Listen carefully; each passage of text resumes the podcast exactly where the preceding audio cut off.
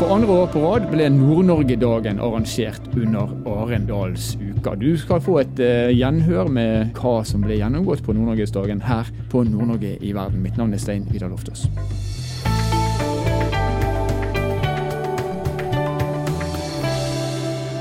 I denne episoden så skal du få høre hva som ble diskutert under eh, bolken kraftkaos og kapitalkrasj. Ja, Hjertelig velkommen eh, tilbake. Da er vi klar for eh, bolk to. Det skal handle om eh, kapitalkaos og kraftkrasj, eller var det omvendt? Nei, det er omvendt. Ja. og så skal vi gjøre et lite eksperiment. Vi skal se om Karina klarer seg uten meg i ja, den det, bolken. her. Det skal holde hardt. Det skal holde hardt, Ja, men før eller siden må du få prøve å stå på egne bein. Jeg kommer Jeg igjen i bolk nummer tre. Vær så god, Karina. Takk skal du ha. Det heter altså kraft, kaos og kapitalkrasj. Nå satte du helt uh, grilla i hodet på meg. Takk skal du ha, Vidar.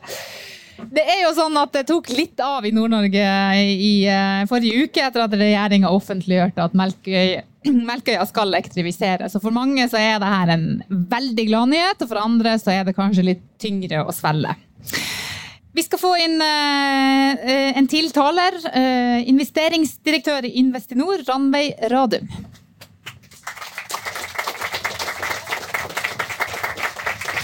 Ranveig, eh, først av alt, jeg vet at det- heter ikke Co-investeringsfond lenger, men, men hva er det? Kan du bare først si Investinor, som jeg jobber i. Vi er landets største tidligfaseinvestor, kommersielle tidligfaseinvestor. Eh, Vi investerer sammen med privat kapital, og når vi går inn i selskaper eller fond, så er vi en minoritetseier i selskapene og fondene. Eh, Og Nord-Norge er viktig for Investinor. Vi har investert nå de siste ja, noen få år over 100 millioner. Og vi syns at det er bra tilgang på investeringsmuligheter i Nord-Norge. Vi ser at det spirer og gror. Vi ser som eh, NHO, det spinner ting ut fra universitetene, fra forskning. Eh, private gründere. Og vi har mange samarbeidspartnere i økosystemet rundt gründerne. Eh, som også kommer med, med sine investeringsobjekter til oss. Vi syns det er mye interessant. Og vi har også solgt oss ut av et selskap som fortsatt går bra. Men det er bra. ikke sant? Vi er med i en fase, og så kommer det nye inn. Som f.eks. Ask Undervisning i Bodø.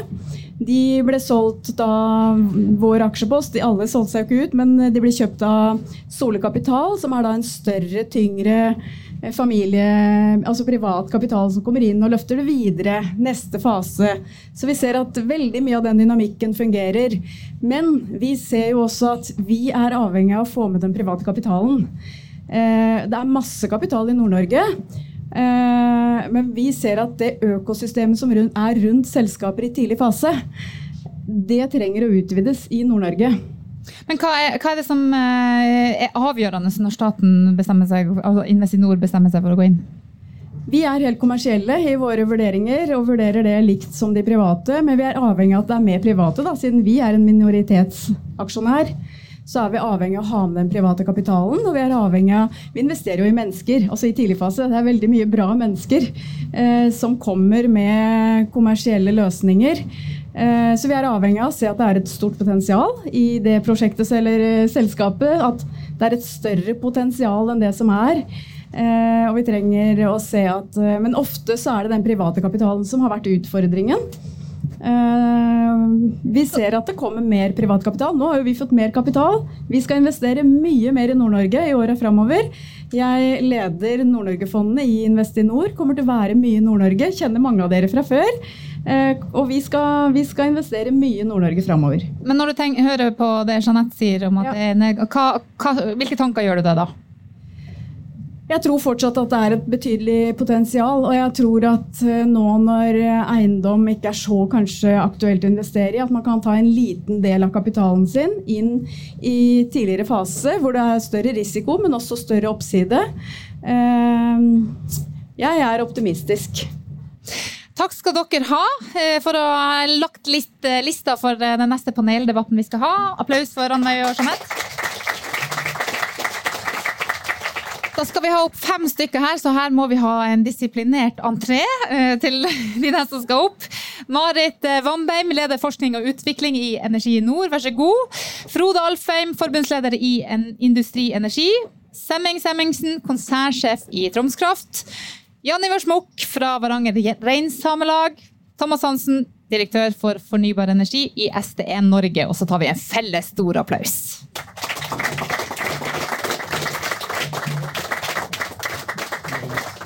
Ja, folkens, jeg har sendt dere noen dilemma eller noen utfordringer i eh, forkant av denne debatten. og Vi skal gjennom fire stykker, og her eh, er det lov å kaste seg på. Det er lov å mene, det er lov å eh, diskutere. Først så tar vi en liten introduksjon fra hver eh, enkelt av dere. Eh, hva er din rolle, og hvor står du? Deg først, Marit.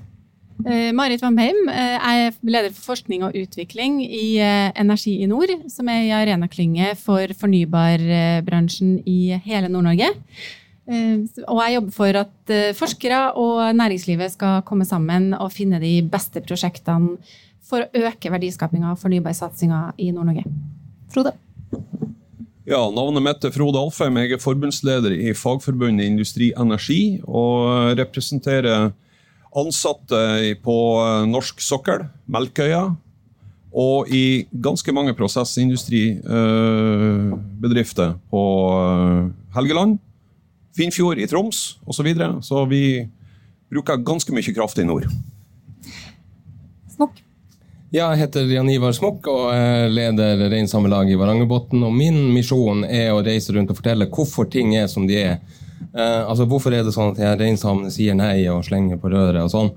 Det er jo fordi eh, Det er jo fordi eh, Det viktigste rammebetingelsen for reindriftsnæringen er eller for reinsdyr, er sammenhengende beitearealer. og det, det, er liksom, det er det jeg jobber for, å fortelle hva er det, hvorfor trenger vi det. Vi trenger det pga. fleksibilitet internt i distriktene og sånn, uten at jeg skal bli veldig sånn detaljert. For det har vi tydeligvis ikke tid til. Men, men, eh, ja, det er det jeg brenner og jobber for. Bra. Thomas? Ja, Mitt navn er Thomas Hansen. Tittelen min er fornybardirektør i STN. Eller direktør for fornybar energi. Og det jeg jobber med, er å sikre overgangen fra det fossile energien vi i dag forsyner Nord-Norge, Norge og Norden, til eh, ikke-fossile løsninger. Hovedsakelig gjennom å sikre krafttilgang. Stemming. Semming Semmingsen, konsernsjef i Troms Kraft. Og vi jobber med å, veldig nå med å sikre tilstrekkelig med energi til kundene i Nord-Norge. Vi driver jo både med nettvirksomhet, distribuerer den strømmen, og så ikke minst så produserer vi eh, strøm. Og har behov for å produsere mye ny strøm frem til eh, kundene som vi har i Nord-Norge. Da vet vi hvem dere er. Dilemma eller spørsmål nummer én. Hvorfor skal vi ta av urørt natur for å bedre klimaet? Marit? Eh, det korte svaret er jo fordi vi må. Eh, det er jo en eh, klimakrise som hvis den får lov til å eskalere, så kommer naturen også til å lide av det. Så vi skal ikke ta ubegrensa urørt natur, absolutt ikke. Men olje og gass tar også natur. Alt vi gjør, tar, legger beslag på noe natur, og det er fordi vi er nødt. Jeg kan si, eh, jeg vil si at eh, et stort pluss med å ivareta sammenhengende beitearealer for reinbeitedistriktene er at du samtidig også da eh, løser et av poengene i FNs naturavtale, nemlig at vi må ha sammenhengende økosystemer. fordi det her er jo naturbruk.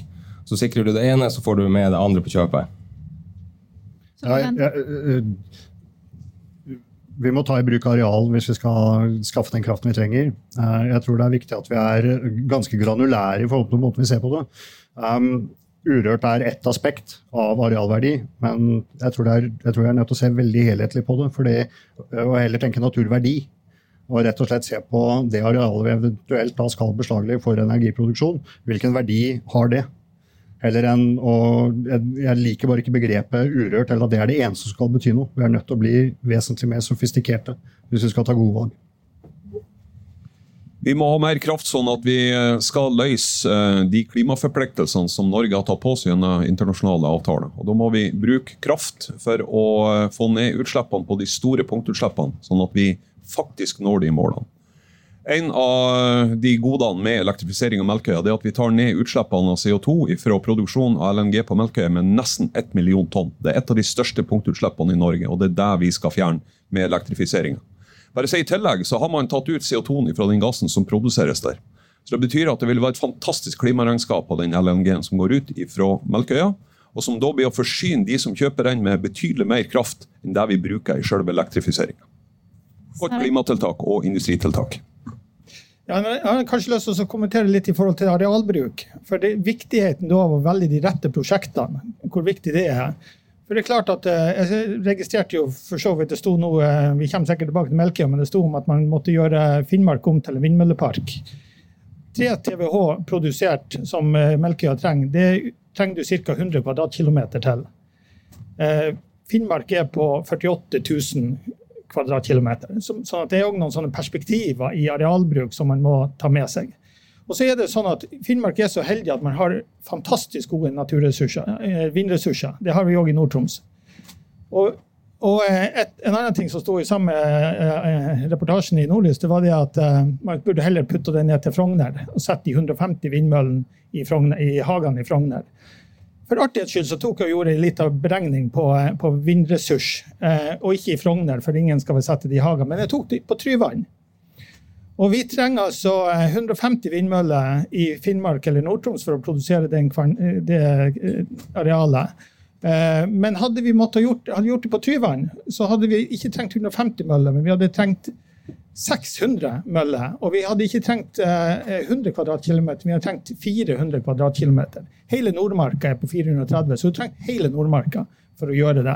Så vi er kjempeheldige i Nord-Norge at vi har sterk vindressurs som gjør at vi kan gjøre det på minimalt areal når vi først må gjøre det. Er det noen flere som vil utdype meninga si på urørt natur opp mot klima?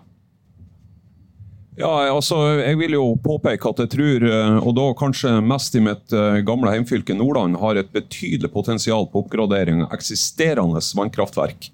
Så Der det allerede er gjort naturinngrep. og Da kan du òg eh, gjøre noe med flomsikring, altså sikre bosettinger i områdene man er i, og får nyttiggjort alt vannet som ramler ned fra himmelen. Eh, Hans eh, sørger vel for at ca. 10 TWh med kraft bare får rett ut på havet, i stedet for at vi produserte strøm på det. og Det er jo ikke bra. Så er spørsmålet, eller dilemmaet, skal vi holde høy fart? Altså nå uh, gjøre ting fort, selv om det risikerer at ikke alle får sagt sitt. Smok. Nei, jeg må si som min far, eh, skynd deg gjerne fort, men skynd deg ikke for fort. For vi, det, vi risikerer å gå i eh, noen snublefeller der. Så hvis man skal gjøre ting eh, fort, så må man bruke mye penger. Ja, altså, jeg, jeg, er veldig enig, men vi må skynde oss fort. Og jeg tror vi er nødt til å finne en litt annen balanse enn det vi har opplevd i det siste når det gjelder um, å kunne ta beslutninger som potensielt er kontroversielle. Fordi arealbruk til energiformål, det er kontroversielt. Um, så vi, skal vi kanskje gå inn i uh, materien på hvor, hvordan skal vi gjøre det. Det er en veldig god diskusjon.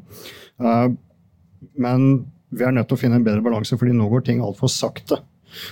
Vi, eh, altså SDN, eh, er deleier i et prosjekt som har hatt eh, en søknad for litt kraftutbygging i Nord-Norge liggende helt i en skuff siden 2019.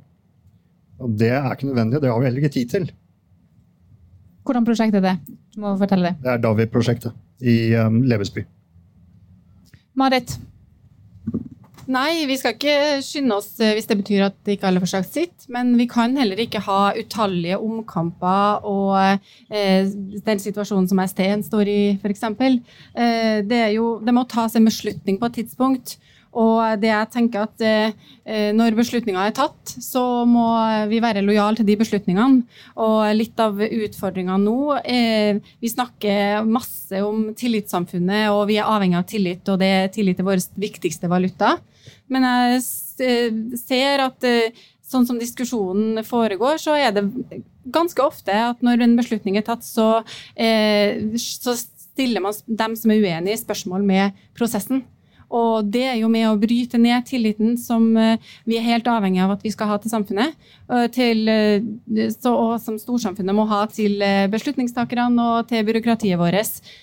Så Vi skal ikke gå på bekostning av eh, rettighetshavere eller andre som skal bli hørt, men eh, vi må også ha eh, tillit i prosessene, og det må være lojalitet til beslutningene når de er tatt. Alfheim? Bare si at uh, i forhold til forventninger om det som skal skje Krigen i Europa den legger en fryktelig demper, ikke bare på Norge, Nord-Norge, det gjør det jo på hele Europa. Vi har en nedgang i tysk økonomi. Og det er absolutt viktigste økonomien som vi har for vår industri. Altså, Går det ikke bra i Tyskland, så går det ikke bra i Norge òg. Altså, da blir det ikke investert. Så det er veldig viktig at vi får uh, vunnet den krigen i Ukraina, sånn at man kan få i gang optimismen i Europa og dermed uh, få mer optimisme også på investeringer òg i, i Nord-Norge. Men i den situasjonen vi er i nå, så vil jeg jo si at det er jo Øst-Finnmark som absolutt hardest rammet hvis vi tar, tenker på Norge, pga. at det er en grensestat mot Russland. Man har bygd opp veldig mye med tanke på og et økonomisk samarbeid med Russland. Og jeg tror Det var utrolig viktig at regjeringa når de kom med den planen, at den var helhetlig, og ga et klart signal at regjeringa mener at det skal bo folk i Øst-Finnmark. Det skal være mulig å investere mer i energiforsyning og bygge opp ny industri òg i den delen av Norge. Så jeg eh, håper at folk som bor i Øst-Finnmark fikk eh, livsgnist av det der. Men så er jeg enig i at nå er vi nødt til å gjøre det her på en ordentlig god norsk måte. altså Med konsekvensutredning, der man må sørge for at vi skal ha sameksistens, og at vi ikke får de her eh, eh altså omkampene eh, på beslutninger som er tatt. Men jeg mener absolutt viktigst er det signalet som regjeringa ga. Det skal bo folk i Øst-Finnmark i, i tida framover. Og det er et bidrag med at man skal ha kraft til området der som er med og skal gi den livsgnisten. Jeg kan jo si fra vår side, Vi har eh, så, så, på Troms som område og så hvor er det best å, eh, å, bygge vindkraft. og Da så vi veldig stort på det. og så så vi at eh, Jf. det jeg sa i stad, vindressursen, hvor viktig den er. Da så vi Nord-Troms peka seg ut. Men før vi i det hele tatt tegna et strek på kartet, så, så starta vi en dialog med alle de, de Nord-Troms-kommunene som, som, ville bli berørt. Og vi, og vi inviterte alle reindriftsdistriktene eh, som ville bli berørt, inn til dialog. Vi har brukt over, godt over et år nå på dialog, eh, det vi har kalt en mulighetsstudie, før vi i det hele tatt har sendt eh, en melding. Så vi har brukt veldig god tid på det innledende arbeidet. Fått dialog med, med alle berørte. Alle har hatt mulighet til å Og i full åpenhet.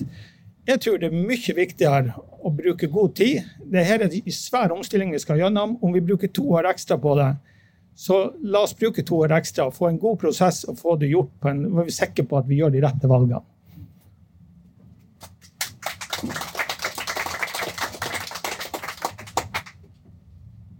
Altså, jeg, jeg, tror det er ingen her som mener at vi skal forte oss så mye at vi gjør dumme valg. Um, jeg tror det som er um, så, og vi har forskjellige tilnærminger til, um, til hvordan vi utvikler prosjekter og, og kan det front-enden av dette. Um, hvis vi tar Davi-prosjektet som et eksempel, jeg kan også bruke andre eksempler, så er det som, et prosjekt som startet rundt 2008-2009 med uh, dialog med definering av området og alle disse tingene du, du refererer til. Um, det har tatt omtrent ti år å utvikle, tilpasse området på en måte som minimerer konsekvenser og alt det, i samarbeid med interesserte parter. Um, men så har det også nå tatt fire år hvor dette har ligget i en skuff uten å bli tatt til behandling. Og uh, En side av meg forstår det, fordi det er et kontroversielt prosjekt, og det er hensyn som skal balanseres. Men igjen, hvis vi skal oppnå de målene vi har satt oss, hvis vi skal bygge en bærekraftig ny industri i Nord-Norge og i Øst-Finnmark, så er det altfor lang tid. Marit? Uh, ja, jeg er helt enig, og jeg tenker at mye av uh, utfordringa vår er ikke nødvendigvis at uh, det må gå for fort, men det må være forutsigbarhet. Og så vil jeg gripe litt tak i det Berit sa forrige i innlegget sitt. fordi at det er bare 50% av løsninga som handler om teknologi her. den viktigste 50 er ikke engang teknologien. Det er sosial aksept. Og det at vi greier å få prosesser der vi får befolkninga med oss, og der det er noe igjen eh, for lokalbefolkninga og lokalsamfunnene. Eh, når beslutninga er tatt, så er det vinnere på alle sider, og ikke noen som må gi fra seg veldig viktige og verdifulle saker for ingenting igjen. Smok. Ja, nei, Jeg må bare utdype det jeg sa i sted. Altså, skal man eh, liksom få ting til å rulle, så må man bruke penger. og med det så mener jeg at for det første så er det sånn at Kommunen er jo arealets førstelinje. og Det er ganske mange kommuner som sliter med arealplanlegging. Det er jo mange av dem som ikke engang har en arealplan. De har bare en, en våt drøm om en dag å ha en arealplan. Så her må man sette inn ressurser. Og så må man også sette inn ressurser til reinbeitedistriktene, som har, de har veldig mye å gjøre fra før av. Uh, og det å sitte og jobbe med, Jeg har sittet og jobba med areal for reinbeitedistriktet vårt og i kommunestyret. Det er ikke bare å eh, bla opp en lefse og så er du ferdig med det. Det er veldig mye arbeid, og det, veldig, det må gjøres kontinuerlig hele tiden. Det går ikke an å bruke skiptalksmetoden. Vi prøvde, og det feila. Eh, de må også settes i stand. De må også få ressurser, sånn at de kan henge med i dette arbeidet. Sånn at det blir rettest mulig. Eller sånn at det blir rett. Ja, til akkurat det siste så kan vi si der, vi også, det der erkjenner vi er en utfordring. og Det gjør at vi betaler og har betalt eh, reindriftsutøverne sine kostnader med å være med i det arbeidet som vi har kjørt. Vi går over til neste eh, dilemma. Um, ser vi på elektrifiseringa av Melkøya som en gladnyhet, eller en flamme som har satt fyr på lokalkampene? Marit først. Begge deler. Eh, det er jo begge deler. Eh, det er jo en eh, gladsak fordi vi har fått en helhetlig plan for Finnmark med kraftutbygging som vi virkelig trenger, og en tidsplan, ikke minst. Det er det som har vært etterspurt både særlig i Øst-Finnmark, men også i Vest-Finnmark veldig lenge. 10-15-20 år har man i Øst-Finnmark jobba for å få de kraftlinjene som man nå har fått en lovnad om og en tidsplan på. Og det er jo veldig viktig. For eh, der det er energi, der blir det aktivitet. Og eh, det har vi merka i Øst-Finnmark, eh, og det har Norge merka. Når vi ser på utviklinga i Øst-Finnmark de siste ti årene, at det er ikke energi, og da blir det heller ingen aktivitet. Det blir ingen nye energikrevende næringsetableringer, og veldig mange på vent for å skape aktivitet i regionen. Og eh, det mener jeg er veldig bra med denne planen. Ja, altså, som sagt, eh, Vi organiserer jo de ansatte på Melkøya. og det er klart at Å få en løsning som sikrer arbeidsplassene deres òg etter 2030, er en, en gladnyhet for de, og det er en gladnyhet for Vest-Finnmark. Så mener også at Man må ikke bare tenke kraft ut av systemet. For Nå skal du altså bygge ut linjenettet som gjør at du òg posisjonerer deg for å få inn kraft i systemet. Det betyr at hvis man skulle bygge ut uh, havvind som en av de mulighetene man har, ja, så vil en del av infrastrukturen eh, legges gjennom det. Så tenker jeg at eh, den krafta som skal brukes på markedet, den skal ikke brukes til LNG-produksjon til evig tid.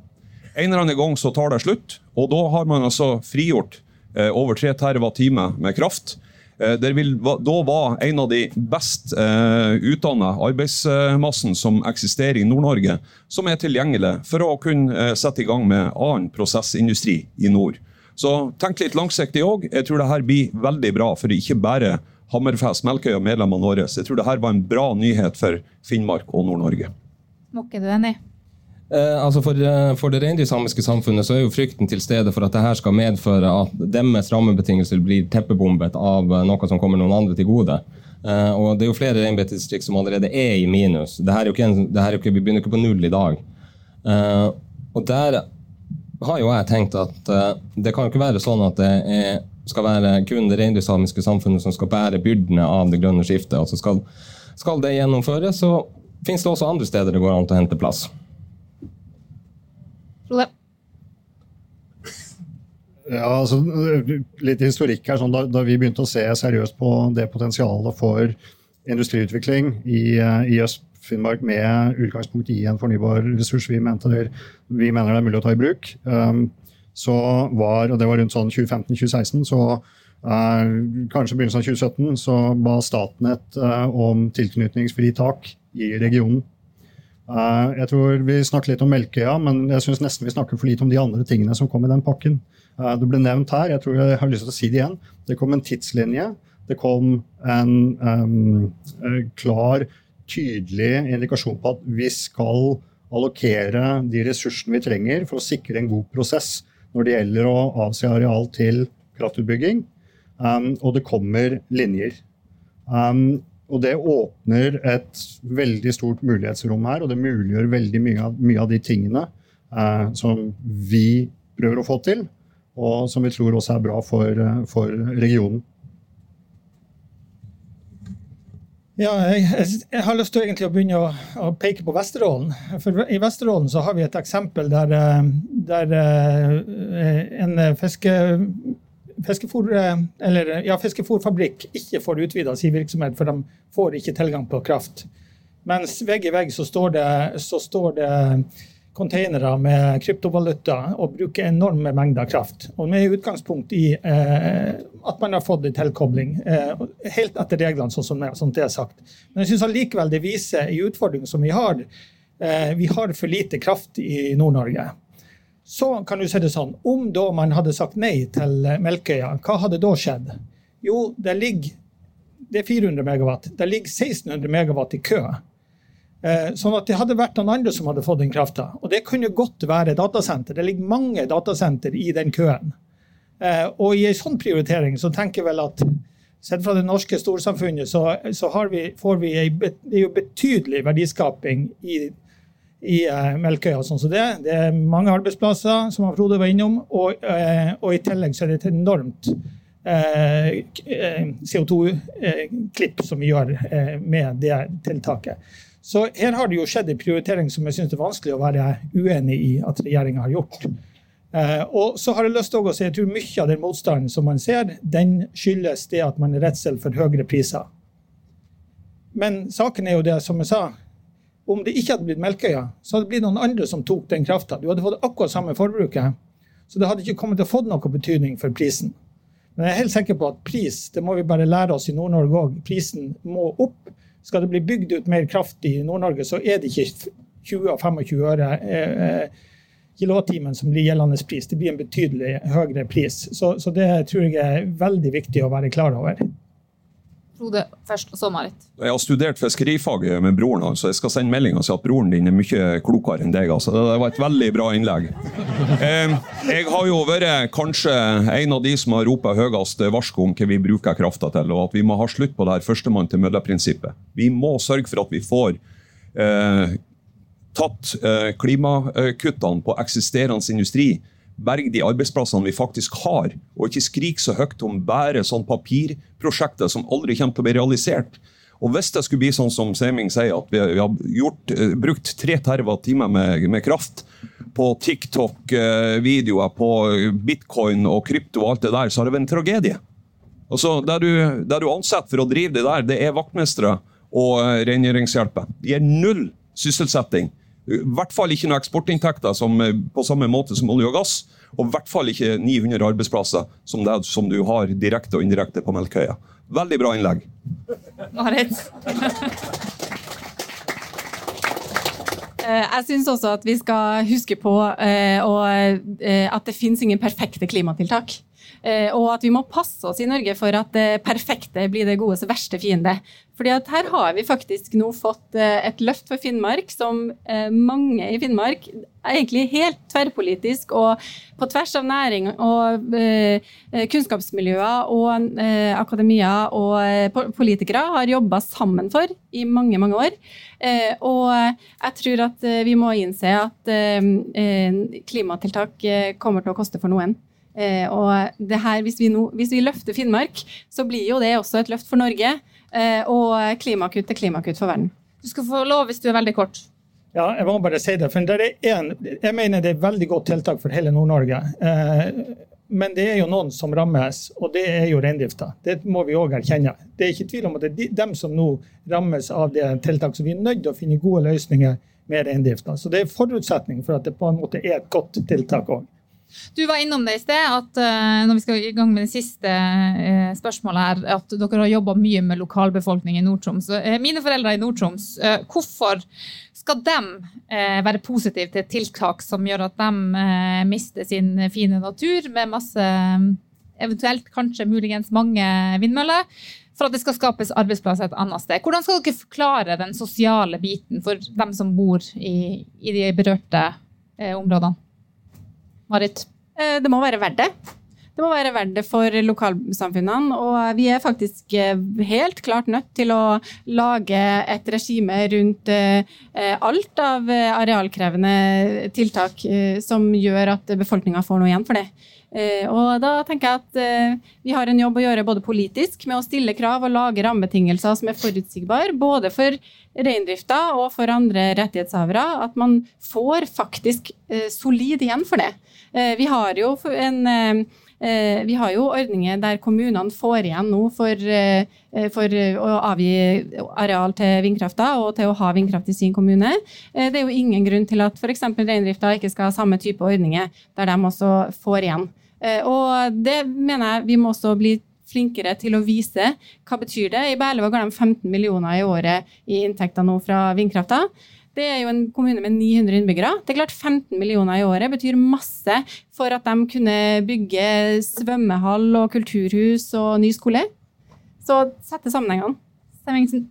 Ja, jeg kan være veldig konkret på det. for Vi ser jo i Nord-Troms på det helt konkrete, mest interessante prosjektet vi ser på, det er Kvænangen.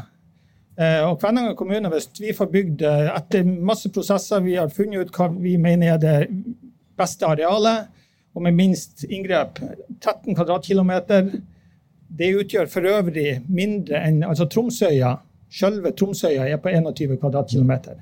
På det området, 13 kvadratkilometer, så skal vi, skal vi kunne produsere ca. 1 TWh. Eh, og det vil gi Kvænangen kommune ca. 50 millioner, 48 millioner kroner i året i inntekter. Kvænangen kommune det er 1800 innbyggere. Eh, og de har et altså 48 millioner det utgjør mer enn hele, hele skole- og, og, kulturbudsjettet deres i, i, sin, i, den kommunen. Så de får en betydelig inntektsøkning for, for eh, det samfunnet der, om de sier ja til et sånt prosjekt. Jeg tror faktisk de var 1100. Ja, det var 1100. Inkludert mamma og pappa. Okay. Enda bedre for hver. Men i tillegg så, så, har jeg lyst til å si, og så ser vi òg på det med en, med en, makspris for alle innbyggere. Alle de 1100 innbyggerne i, i kommunen, sånn at de også skal føle at deres, de får igjen hver enkelt også på, på strømregninga. Men igjen, nå tok jeg bare den delen av det. Så vet vi at vi har noen innbyggere til, og det er reindrifta. Men den blir vi sikre å komme tilbake til. Den må vi se selvfølgelig ekstra på. Smokk, du skal få ordet. Ja, det er jo et veldig rart spørsmål å stille meg. Er det ikke? er det ikke? Uh, nei, altså, jeg syns jo det er gode tanker de er inne på. Uh, problemet Problemet så langt har jo vært at man har ikke vært, det har ikke vært så nøye med reindrifta. Jeg skal være helt ærlig og si det. Det, det har ikke vært så nøye. Ja ja, nei, dere klager bare.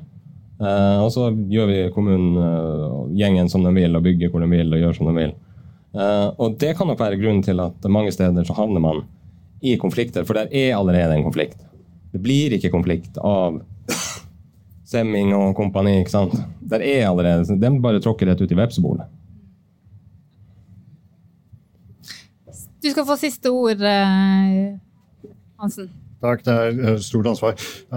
Jeg tror jeg hever litt over Hever det litt. Jeg tror når vi skal beslaglegge areal for energiformål, som er det vi snakker om, så er vi nødt gjennom hele utviklingssyklusen her på å ta veldig gode valg. Og det begynner med området du velger. At det ikke har minimale konsekvenser, ikke bare for reindriften, men for alle andre som er direkte berørt der. Så veldig mye kan gjøres der. Og der er også dialog med reindriften veldig viktig. Eh, men det er ikke det eneste. Det er andre interessenter og andre parter her vi også må ta hensyn til. Eh, det er bare starten. Du er nødt til å hele tiden her gjøre gode valg helt fram til du faktisk bygger den. Eh, så eh, jeg kan lire av alle de tingene vi har gjort, f.eks. makspris for, for, de, for kommunens innbyggere. Det er også noe å knytte kraftbruken til konkrete initiativer der du bor. Det er et kommersielt rasjonal for det, men det hjelper deg potensielt også gi eh, legitimitet i kraftutbygging. Så Det handler kanskje litt om hvorfor du gjør det, og hva er direkte konsekvensene hvis det faktisk skjer. Men alt det hviler på at du har gjort et godt lokasjonsvalg, hatt en god prosess fram til, fram til det. Så vi ønsker å ta kraften i bruk lokalt. Eh, faktisk være med eh, kommunen og andre interessenter og andre stakeholders som er villige til å være med oss til å gjøre det til det beste det kan bli for, for lokalsamfunnet. Takk skal du ha. Takk skal dere ha, alle sammen. God applaus for uh, debattanten.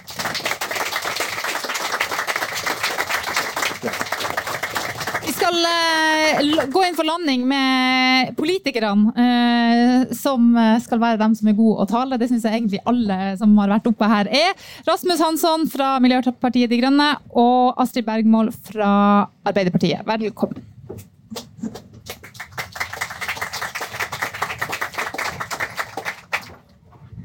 Rasmus først.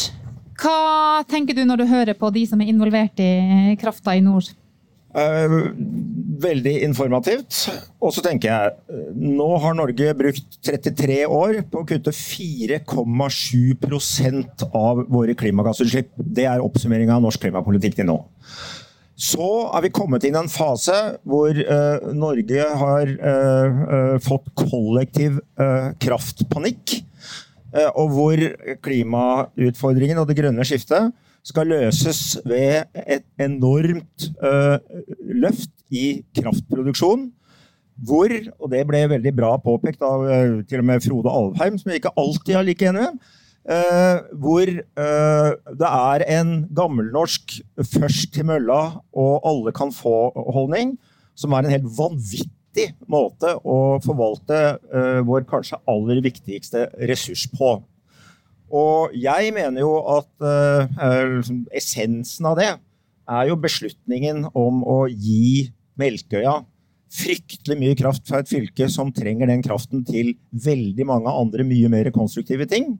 Fordi dette er jo et selskap som har holdt Norge for narr i Eh, en generasjon snart med fortellingen om karbonfangst og -lagring, men som aldri, på tross av at de tjener mer penger enn noen klarer å telle, har råd til å gjennomføre den karbonfangsten og -lagringen selv, som de selvfølgelig vært på, vært på, burde vært pålagt å gjennomføre på Melkøya, mens krafta gikk til noe annet, så panikken kunne bli litt mindre. Og så er det ingen tvil om at vi trenger mer grønn kraft. Men hvis vi skal skjønne hva et grønt skifte er for noe, så må vi også skjønne at det er ikke at alle skal vokse som ville faen inn i evigheten. Det er at vi må begynne å husholdere med alle ressurser, med all tenking, og også med ideen om evig vekst. Det vi nå trenger, det er jo uh, å forstå helheten i klimaproblematikken. Den inneholder nødvendigheten av utslippskutt men den inneholder også nødvendigheten av å slutte å ødelegge natur.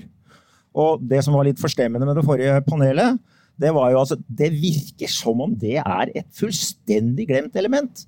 Regjeringen din har vært i Montreal og skrevet under på en global avtale om 30% vern pluss 30 eh, restaurering av verdens natur. Det er en avsindig ambisiøs forpliktelse.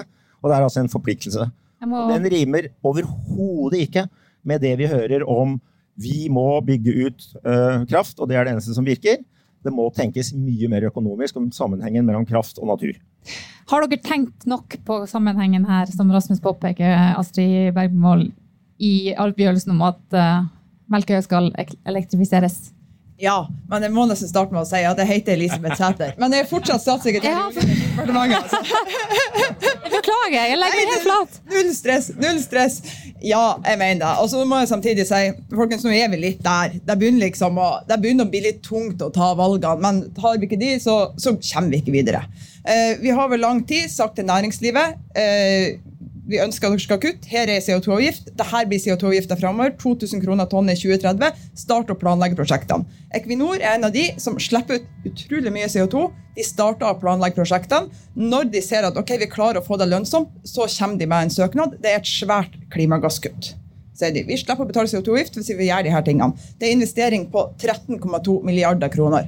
Hvordan forutsigbarhet hadde vi lagt til næringslivet som vi inviterer meg inn i det grønne skiftet hvis vi hadde sagt Nei, vet du hva, Det har blitt litt upopulært med elektrifisering av sokkelen deres. Kom tilbake med noe annet og langt dyrere prosjekt.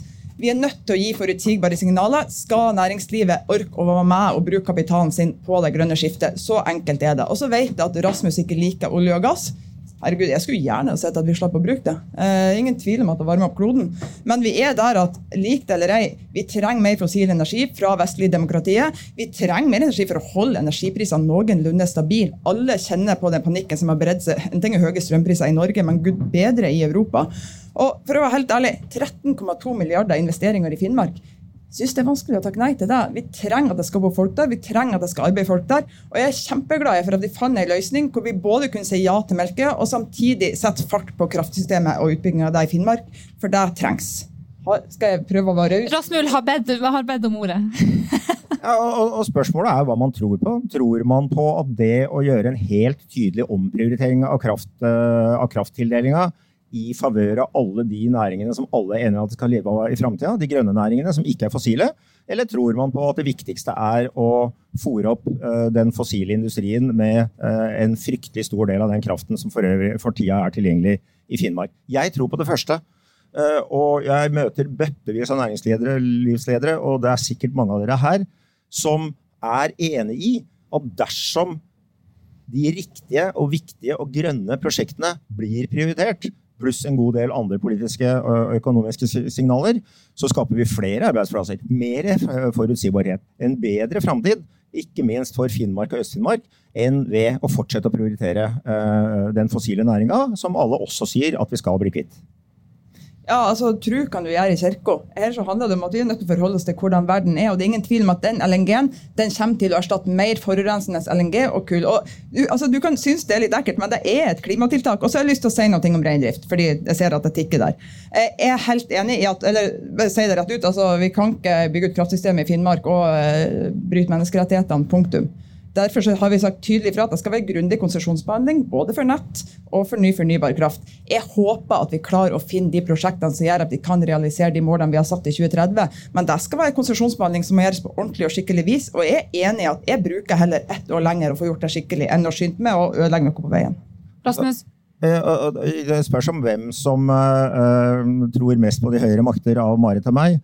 Marit eh, tror at den klimapolitikken som eh, partiene representerer, har ført de siste 30 åra, fører til at vi klarer å bremse eh, den globale oppvarmingen. Svaret er altså 3,7 og nedbørsfenomenet hans. Vi må gjøre mye mer. det tror jeg på, og hvis du syns det er latterlig, så er det helt greit. Men tallene taler ikke i din tros favør. Du får 30. Altså Her står det to politikere. Den ene har ført en politikk som gjør at vi står i, i posisjon på å nå klimamålet. Vi, et flertall på Stortinget, har satt seg i 2030. Da står det en politiker som politikk som gjør at vi ikke når det klimamålet. Det er det mest oppsiktsvekkende jeg har hørt. Er det å nå klimamålene å ha kutta 3% av norske utslipp når vi skal kutte 55% innen sju år? Eh, det er en måte å regne på som muligens går hjem i Olje- og energidepartementet, men hos folk flest så tror jeg ikke de gjør det. Nå blinker det rødt. Det betyr at tida er ute. Eh, dere kan fortsette diskusjonen eh, utafor her. Eh, vi er tilbake om et kvarter med siste session. Så er helt klart at vi kunne sagt mye mer om eh, kraftkaoset. Vi kunne helt sikkert sagt mye mer også om kapitalkrasjet, eller behovet for kapital for å investere og å kunne ta ut det enorme verdiskapingspotensialet som fortsatt finnes i landsdelen vår. Men dette var det som ble diskutert under eh, årets eh, Nord-Norge i dag. Nord-Norge i verden er en podkastserie som er produsert av Sparebank1 Nord-Norge i samarbeid med Helt Digital. Musikken du har hørt er laget av Emil Karlsen. Mitt navn er Stein Ville Loftaas. Vi høres igjen i neste episode.